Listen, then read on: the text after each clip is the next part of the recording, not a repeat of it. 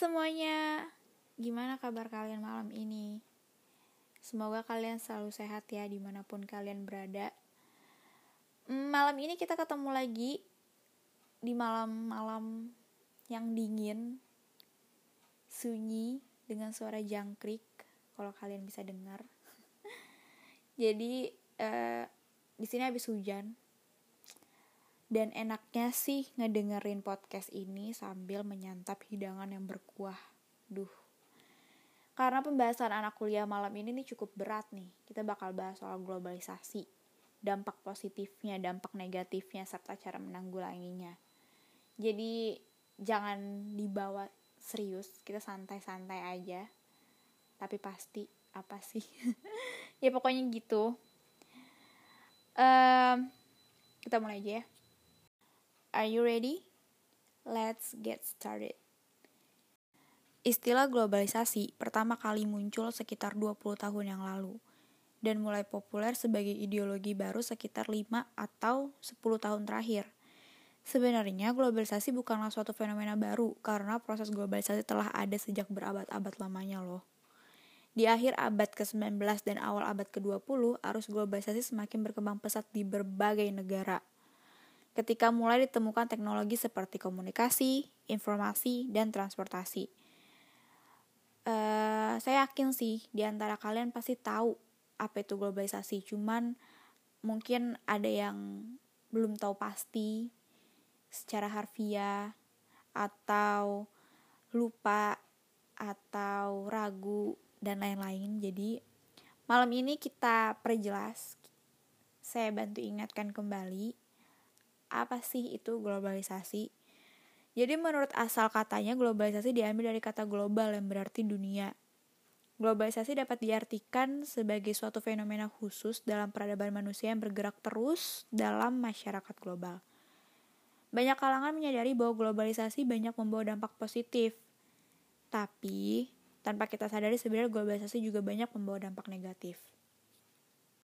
Oke, kita masuk ke bagian pertama, yaitu dampak positif globalisasi terhadap perekonomian Indonesia atau dunia mungkin orang e, negara lain juga mengalami hal yang sama. Jadi sebenarnya dalam dampak positif globalisasi di sini perekonomian kita akan semakin membaik di mana akan ditandai dengan yang pertama produksi global dapat ditingkatkan.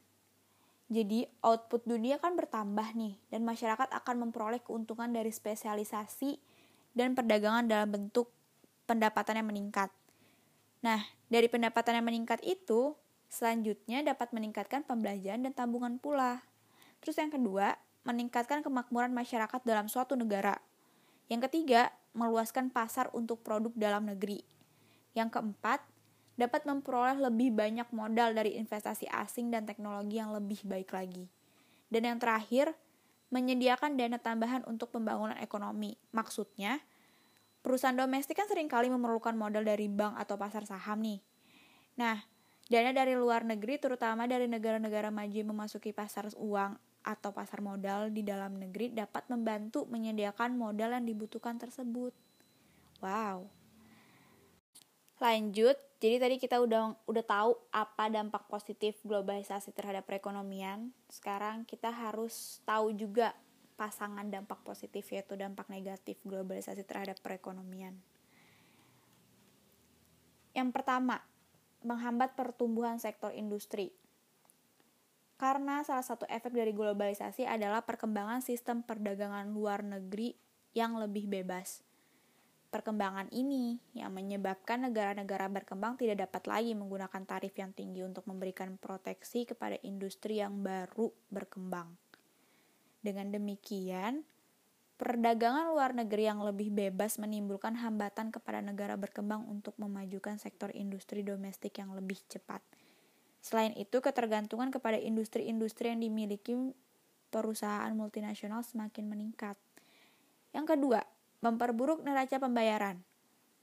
Jadi globalisasi kan cenderung menaikkan barang-barang impor. Sebaliknya, apabila suatu negara tidak mampu bersaing, maka ekspor tidak berkembang. Efek buruk lain dari globalisasi terhadap neraca pembayaran adalah pembayaran neto pendapatan faktor produksi dari luar negeri cenderung mengalami defisit atau kerugian. Investasi asing yang bertambah banyak menyebabkan aliran pembayaran keuntungan. Investasi ke luar negeri semakin meningkat.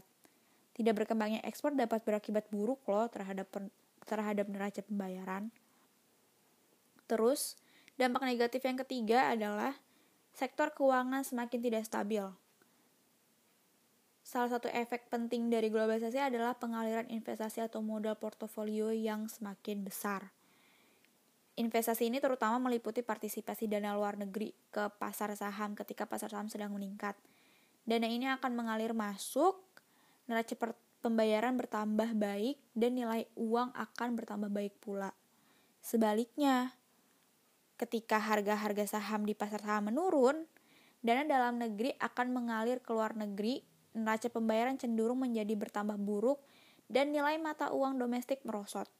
Ketidakstabilan di sektor keuangan inilah dapat menimbulkan efek buruk kepada kestabilan kegiatan ekonomi secara keseluruhan.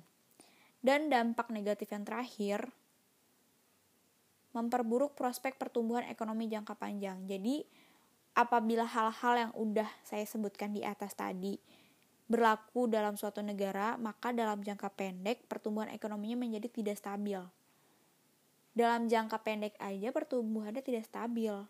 Bagaimana jika dalam jangka panjang? Maka pertumbuhan yang seperti ini akan mengurangi lajunya pertumbuhan ekonomi. Tapi tenang, jangan khawatir, karena kita punya solusi cara menanggulangi dampak negatif globalisasi bagi, bagi bangsa Indonesia. Yang pertama, kita harus banget nih pendidikan menanamkan pendidikan keagamaan dan organisasi sosial keagamaan tuh perlu dikembangkan.